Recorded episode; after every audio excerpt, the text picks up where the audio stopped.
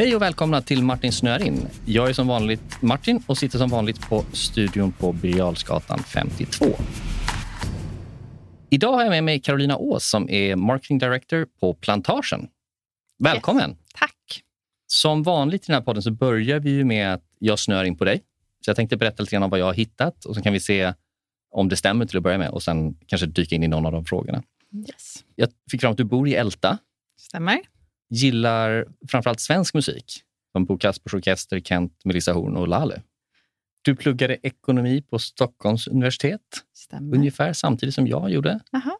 Eh, du kanske blev inspirerad av Mats Frick där? Stämmer bra det. Ja, det blev jag också.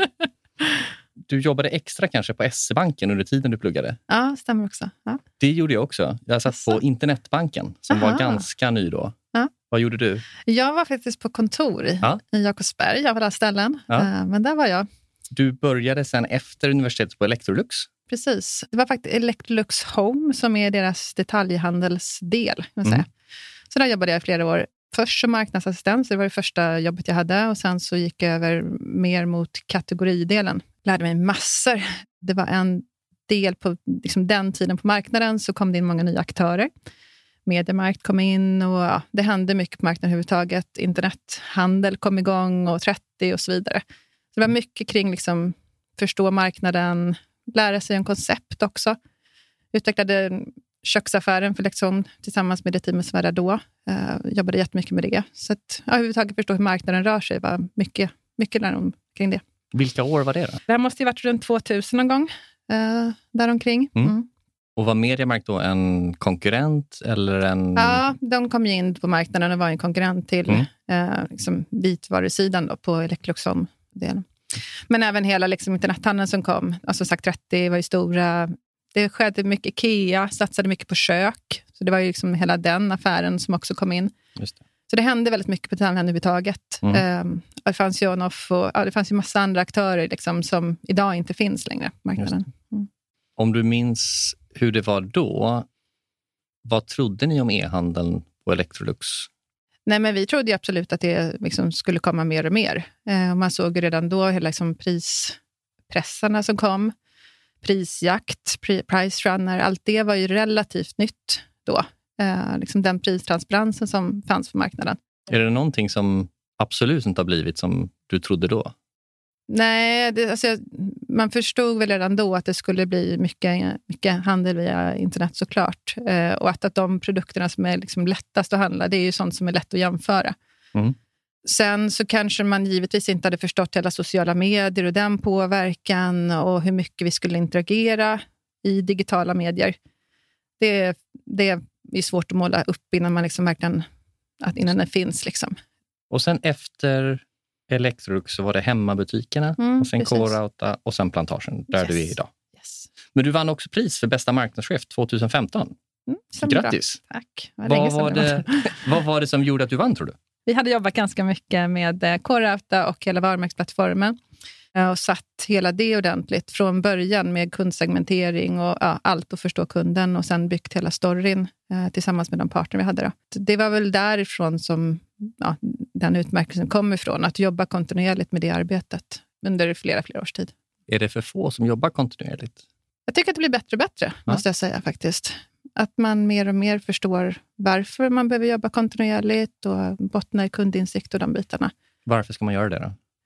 Ja, men det är superviktigt att förstå kunden och sen ja. verkligen hålla i varumärket. Sen det, givetvis måste man utveckla varumärket, det är inte det. Liksom. Det handlar inte om att stå still, men att inte hitta på nytt hela tiden. För kunderna behöver känna igen sig eh, helt enkelt och man behöver förstå vad varumärket erbjuder. Hur hittar man den balansen då, mellan att utveckla och vara kontinuerlig? Den är svår. Man behöver utmana sig själv hela, hela tiden. Och ju mer hemtar man blir i ett varumärke och i sin miljö, ju svårare är det att utmana sig själv. Så att jag tycker det är viktigt att ta in liksom kompetens utifrån, både liksom i den egna gruppen och se till att man får in kompetens och nya ögon utifrån. Och så givetvis också med partners. Det tycker jag har liksom funkat bra när jag har jobbat. Tenderar en grupp att vilja utveckla varumärket för mycket eller för lite? Förstår du vad jag menar? I den här balansen mellan kontinuitet och utveckling. Mm. Vad är det man behöver knuffa en grupp till och vad behöver man hålla tillbaka? Tenderar de att gå åt ett av de två hållen? Jag som alltid har jobbat med retail, så är det lätt att man liksom, äh, men nu kör vi den där bilden, måste vi göra det? Liksom. Mm. Det behöver man kanske ibland hålla i, beroende på vad man bygger liksom den, eh, det påståendet på. Mm. Eh, så. Och ibland behöver man säga, nej men nu är det dags att byta. Så långt som möjligt ska man ju bygga förändringar på fakta. Eh, Det är väl det som vi försöker göra hela tiden. Men gör vi en förändring, gör vi det för att vi själva har tröttnat på det? Eller gör vi det för att det faktiskt är någonting som vi sett att vi behöver göra utifrån kundinsikt?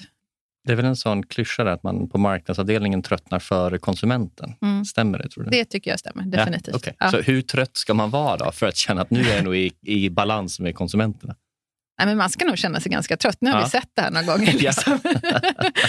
är det, behöver vi köra den här tv-reklamen för tredje gången eller så? Mm. Eh, då är man nog ganska balans med marknaden. Det tar ju tid, liksom, givetvis med vilken budget man har och sådana här saker också, men det tar ju tid att sätta förståelse för vad man erbjuder och igenkänning i det man gör. Just det. Så rejält trött, då, där någonstans börjar det bli lagom. Ja, till, men samtidigt med det sagt, det beror ju på vad det är för någonting såklart. Såklart. För du måste ju också hela tiden innovera och känna vara intressant. Liksom. Om vi, om vi hoppar till plantagen och nutid. Mm. Hur ser en dag ut på jobbet för dig? Jag ansvarar för mediet, Mm. eh, både eget och köpt och förtjänat i alla tre länder där vi finns. Då, så det är Sverige, Norge och Finland. Och sen så är jag ansvarig för varumärket, varumärkesutveckling eh, och kopplat till det då hela id- idén, Visual ID och konsumentinsikt tillsammans med teamet såklart. Hur mäktar man med så många olika områden? Jag har ett jättebra team. Nej, men det är mycket att man liksom får, jag kan inte göra allt själv, det är inte meningen och det är helt omöjligt. Liksom. Så att givetvis att man har ett team som, som kan det som vi ska göra, helt enkelt. Och sen att man tar, äter elefanten i bitar. Nej, men liksom man tar, tar sak för sak som man behöver göra. Liksom. Mycket prioriteringar, definitivt. Såklart. Finns det något område du känner att du är inne och pillar i för mycket? Nej, jag tror inte det. Ja. Jag brukar hoppa runt lite där, där jag behövs. Sen beror det på vart man är i olika saker. Behöver jag utveckla någonting, ja, men då går jag mer in i det. Och sen stötta upp där jag behövs. Liksom. Eh. Jag, känner, jag har ett intresse för siffror, Mm. så att jag är inne och pillar för mycket i folks Excel-ark. Ja. Men jag håller mig ganska mycket borta ifrån deras powerpoints. Ja. Om man ska bara förenkla. Liksom. Men jag tänkte, det är svårt att inte ta upp eh, det här året med covid. Mm. Hur har det varit för er? Nej, men det har absolut varit utmanande, helt klart. Vår marknad har ju inte påverkats negativt av den. Men det har ju krävt mycket förändringsarbete ändå. Jätte- Jättemycket förändringsarbete. Och i och med att vi finns i Sverige, Norge och Finland så ser det väldigt olika ut också. Så Mm. bara det, att liksom, okej, men hur parerar vi olika skeenden i olika länder? Stötta driften. Det är, liksom, det är jätteviktigt i de här skedena. Hur kan vi säkra information så att kunden förstår vad vi gör i de olika länderna och, liksom, och hela tiden vara örat mot rälsen? Just, har något land varit enklare och något svårare?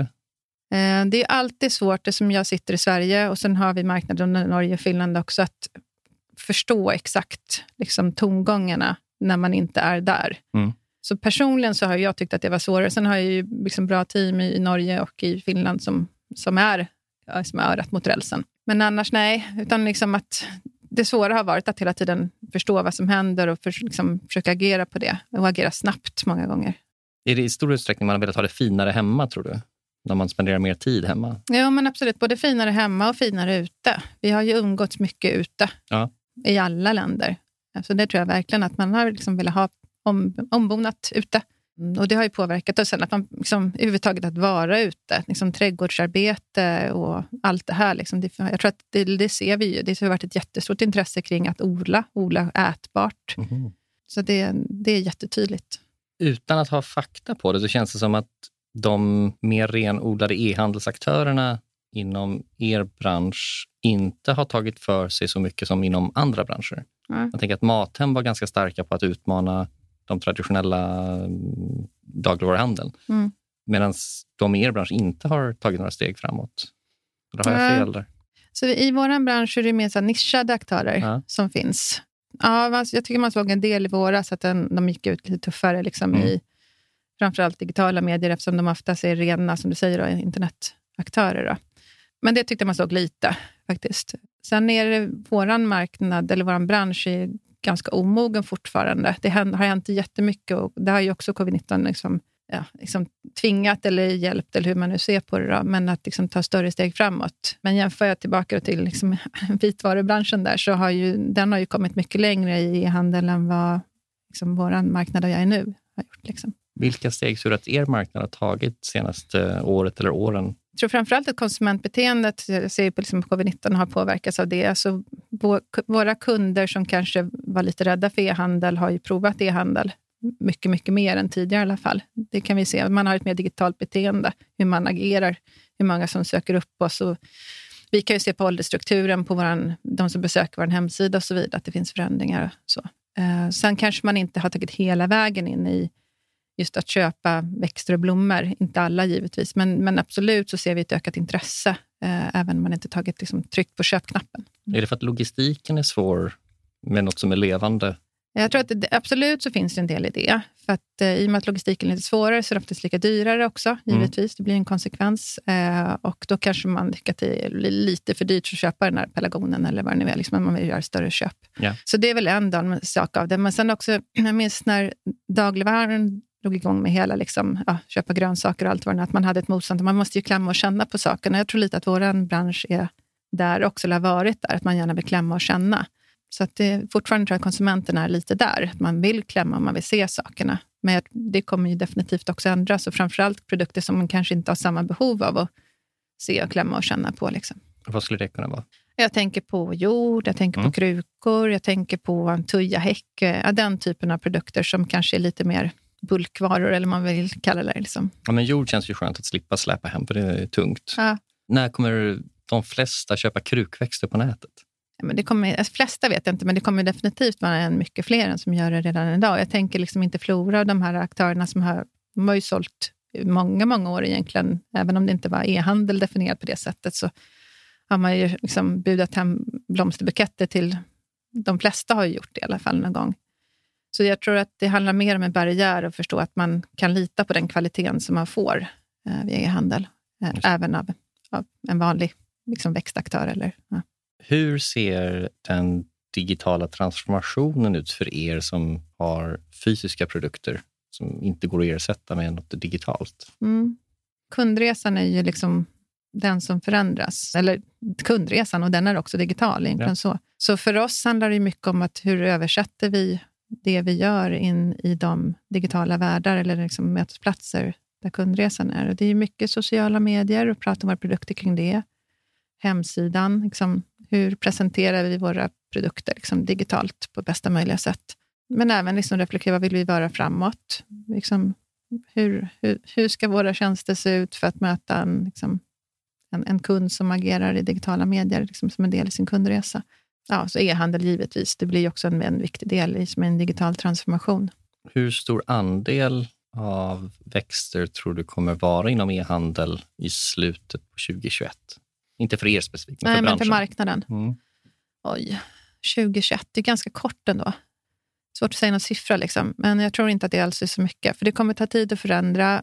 Man beter sig, liksom, man är i digitala medier hela tiden, men det kommer ta tid att förändra beteendet att köpa, även om det ökar hela, hela tiden. Liksom. Just det. Den ja. lägsta siffran jag hittat är för bilar. Ja. Jag tror den ligger på 1 procent. Ja, jag tror vi är högre än bilar definitivt. Ja. men säg att vi är någonstans mellan 2021. Man säger att vi är någonstans mellan 3 och 8. Mm. Någonstans där, Just det. skulle jag gissa. Generellt sett inom marknadsföring så har man i alla fall i Sverige senaste året eller så pratat ganska mycket om the long and the short of it. hur mycket man ska satsa på sitt varumärke för att det på längre sikt ska ge effekter och hur mycket man ska satsa här och nu. Hur ser ni på det på plantagen? Vi pratar ganska mycket om det också, som, ja. som alla andra. Nej, men eh, det är viktigt. Vi vill bygga långsiktigt. Sen så behöver vi också, liksom, det behöver vi försäljningen här och nu. Det är utmanande att liksom hitta balansen i det där hela tiden. Och vilka medier gör vad och hur kommunicerar vi de medierna för att åstadkomma det vi vill åstadkomma liksom på kort sikt och lång sikt. Hur vågar, man, hur vågar man tro på det som ändå är långsiktigt, oavsett hur stor andel det står för? Men jag tror man kommer tillbaka till kund, det som jag började prata om med kundinsikten. Där. Liksom, vet vi vilka kund, vår kund är och tror på att det är så här vi tilltalar han eller hon eller hen, eh, så tror jag man också liksom litar mer på det budskapet som vi vill få ut. Men är det då liking, consideration, den typen av nyckeltal? Ja, man... men definitivt. Mm. Liksom hur, hur, ja, men hur mottas vår den kommunikationen vi gör? Liksom, har vi en hög liking, ja, men då vågar vi ju tro på det vi gör. Mm. Eh, och, liksom, ja, och att mäta, bara där är ju jätte, jätteviktigt. Liksom. Att inte bara gå på magkänslan. Liksom. Eh, så. Jag är ju även engagerad i, i Sveriges annonsörer och jag tycker att det är superviktigt att liksom, prata mätbarhet. Är du med i den taskforcen som pratar om Nej, jag är med i styrelsen ja, Sveriges Ja. annonsörer, så att vi har ju givetvis diskuterat frågan också. Mm. Men liksom jag märker att det finns så otroligt... Ja, men det är ju så. Vad, liksom, vad är mätbarhet? Hur definierar vi räckvidd? Ja. Det är massa olika kopior, eller vad vi väljer att kalla det, liksom, Ja. eh, som, som vi som köpare behöver förstå, förstå skillnaderna kring eh, och också utmana hela mediet, medierna på. Eh, Ja. Den är super, superviktig. Den tycker jag vore kul att också ha framåt, om vi skicka vidare Just det. del. Det Hur finns, får man 2000 digitala aktörer att enas kring samma mätbarhetsvariabler? Exakt. Och Ja. hur kan man få oss som köpare att förstå vad är det jag verkligen köper? Eh, så. Det. Det blir en effektivare bransch om transparensen ökar så att det blir en jämförbarhet. Mm, Och då tror jag att hela branschen skulle växa av det. det tror jag med. Men där är vi väl tillbaka på så att det long and the short of it för de här digitala aktörerna. Exakt. Att vågar man tro på att branschen kommer växa eh, genom att eh, bli mer transparent eller vill man tänka kortsiktigt och behålla den budgeten man känner sig ganska trygg med den här Ja. månaden. Och där kommer vi tillbaka till köparnas, liksom, att våga ställa krav. Ja. Tycker jag är, är superviktigt. Och, ja, Men det är jättespännande. Ska man ta in en publicist som, som är lite motvalls kanske? ja, men det var väl kul. Ja. Absolut. I den här podden har vi också en sektion som vi kallar för Pay it forward. Eh, där vi undrar om du har någon gäst du skulle vilja lyssna på som du tycker vi borde bjuda in. Och Det kan vara ett kompetensområde eller en specifik person. Mm. Har du funderat på någon? Ja, Jag har inte någon speciell person, men jag är lite inne på det som vi pratade om här, lite long term, short term och hela den. Mm. Och jag tycker något som är superspännande tycker jag är liksom psykologin bakom short term och long term. Jag ska inte dra namedroppa, men liksom Kahnemans, liksom, hela den teorin. Liksom. Vi är ju människor som tänker rationellt och agerar många gånger emotionellt. Liksom. Mm. Och det är det som hela den teorin bygger på, ju liksom short term och long term. Mm. Och varför ser det ut så? Vad är psykologin bakom? Varför ja, förklaringen liksom kring, kring att vi människor är, agerar på det sättet och hur kan vi som kommunikatörer jobba med det och, och ha en förståelse för det i vår kommunikation. Liksom, varför funkar det så? Ja, just det. Ja. Psykologiskt plan. Förstår man bättre liksom, varför vi funkar som, som det funkar, så att säga, att också våga tro på det lite mer. Det är det som jag skulle tycka var intressant att Mm. lyssna mer Det var kring. ett jättebra område. Du har haft en eh, både lång och framgångsrik karriär som marknadschef. Vad har du för här, tips till de som någon dag vill ha ditt jobb? Vad, hur ska de utvecklas? Vad ska de lära sig? Vad ska de tänka på? Var nyfiken, det tycker jag. Liksom, men som marknadschef eller marknadsdirektör eller vad man nu har för liknande sådana roller så är man ju lite av en allätare. Liksom. Och um, har ett stort intresse för, för att lära sig mycket. Eh, så det gör ju visserligen att man inte alltid kan gå på djupet i allt, så är det ju. Liksom. Ja. Eh, men eh, det tycker jag är en, liksom, någonting att ta med sig och, och vilja utforska. Så vara nyfiken på saker och ting. Sen ledarskap är ju absolut någonting också, såklart. Det låter kanske lite så klichéartat, men absolut, ledarskap är ju viktigt också i det. Liksom. Och våga lita och förstå och använda sina kollegor och medarbetare på ett sätt så att man liksom växer som team. Det måste vara ett komplicerat ledarskap eftersom man har både sitt eget team som kanske är direkt rapporterande, sen så har man internt andra stakeholders som man kanske inte är direkt ansvarig för och sen har man ett lager av byråer som man leder även om man inte är deras formella chef. Mm. Det måste vara utmanande på det sättet. Ja, men absolut. Det är mycket som relationer och, och surra ihop och förstå och liksom hela de bitarna. Men det är också väldigt roligt. Ja. Vilket kompetensområde tror du kraven kommer öka på att man har i din roll de närmsta åren? Jag tror ledarskap är en, en sån sak. Mm. Det är en så viktig aspekt i allt man gör, liksom att kunna leda människor och, och inte bara de som är närmast, som du säger, utan även alla runt omkring, så att säga. För att komma dit man vill komma. Eh, Så det tror jag är jätteviktigt. Var um, lärde du dig hur man ska vara som en ledare eller hur man beter sig? Men jag har haft turen att ha många bra chefer. Mm. Så definitivt har ju det varit en liksom viktig inspiration. Det är en, en del, men sen absolut. Man, jag har ju gått ledarskapsutbildningar och det här vanliga packet ja. också, liksom, såklart. Och sen att lära sig av sina medarbetare och kollegor också. Liksom, vara lyhörd kring det. Nej, men det ska jag säga. Det, det är fram, framförallt bra chefer att, ja. äh, som mentorer, mm. men sen också formell utbildning och vara lyhörd kring dem runt omkring. Det sista segmentet vi brukar ha i podden kallar vi för Stinky Fish. Det man går runt med och skäms lite för att man inte kan men kanske borde kunna. Har du något sånt? Eh, nej, men jag är inte digital native, liksom så.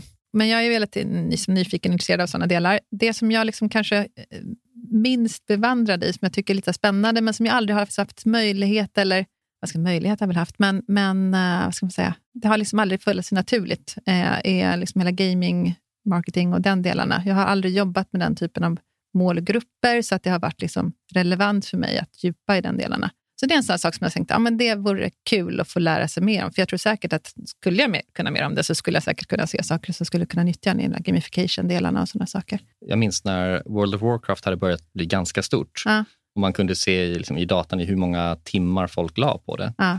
Och Jag kände mig lite utanför och hade inte riktigt koll på vad det var. Så att jag började spela det där. Sen så ett halvår senare så kom jag på mig själv efter att jag inte hade klätt på mig på hela helgen och det var så söndag kväll och jag bad tre tolvåringar om lov att få gå på toaletten. Mm. Där någonstans slog det mig, vänta nu här, nu måste du logga ut. ja, men lite så. Jag har smågrabbar hemma, eller ja, barn som är i skolåldern. De har spelat Pokémon, det är liksom det åttaåringar gör. Pokémon Go? Ja, Pokémon Go. Uh, och där slår det mig när jag liksom följer med och hur de gör. Och liksom det, ska, ja, det är battles och allt vad det nu är. Liksom. Det är så genialt uppbyggt. De triggar på varenda liten grej som den här åttaåringarna liksom gillar. Mm. Uh, så det, jag tycker när man ser det från det sättet, lite distanserat, så säger jag, det är ju inte för inte att det är uppbyggt som det är. Liksom. Men är det inte mycket som eh, den nyfikenheten som du sa som en viktig egenskap? Att man orkar vara nyfiken på nya plattformar eller fenomen som kommer och våga prova dem, antingen genom sina barn eller själv. Mm. Hur, hur orkar man då, eller hur hittar man energin till att vara nyfiken på nästa TikTok-video? Liksom? ja, det, ja, men det är för att det är kul. Ja. Liksom. Det är väl ett intresse man har. Bra. Hur ska vi sammanfatta det här? Vi har pratat om ledarskap och nyfikenhet. Det är viktigt för en marknadsdirektör. Hur vi kommer köpa växter på nätet i större utsträckning framåt, kanske upp mot 10 procent om ett år. Och att digital transformation utgår ifrån kundresan. Stort tack för att du kunde komma idag. Tack själv.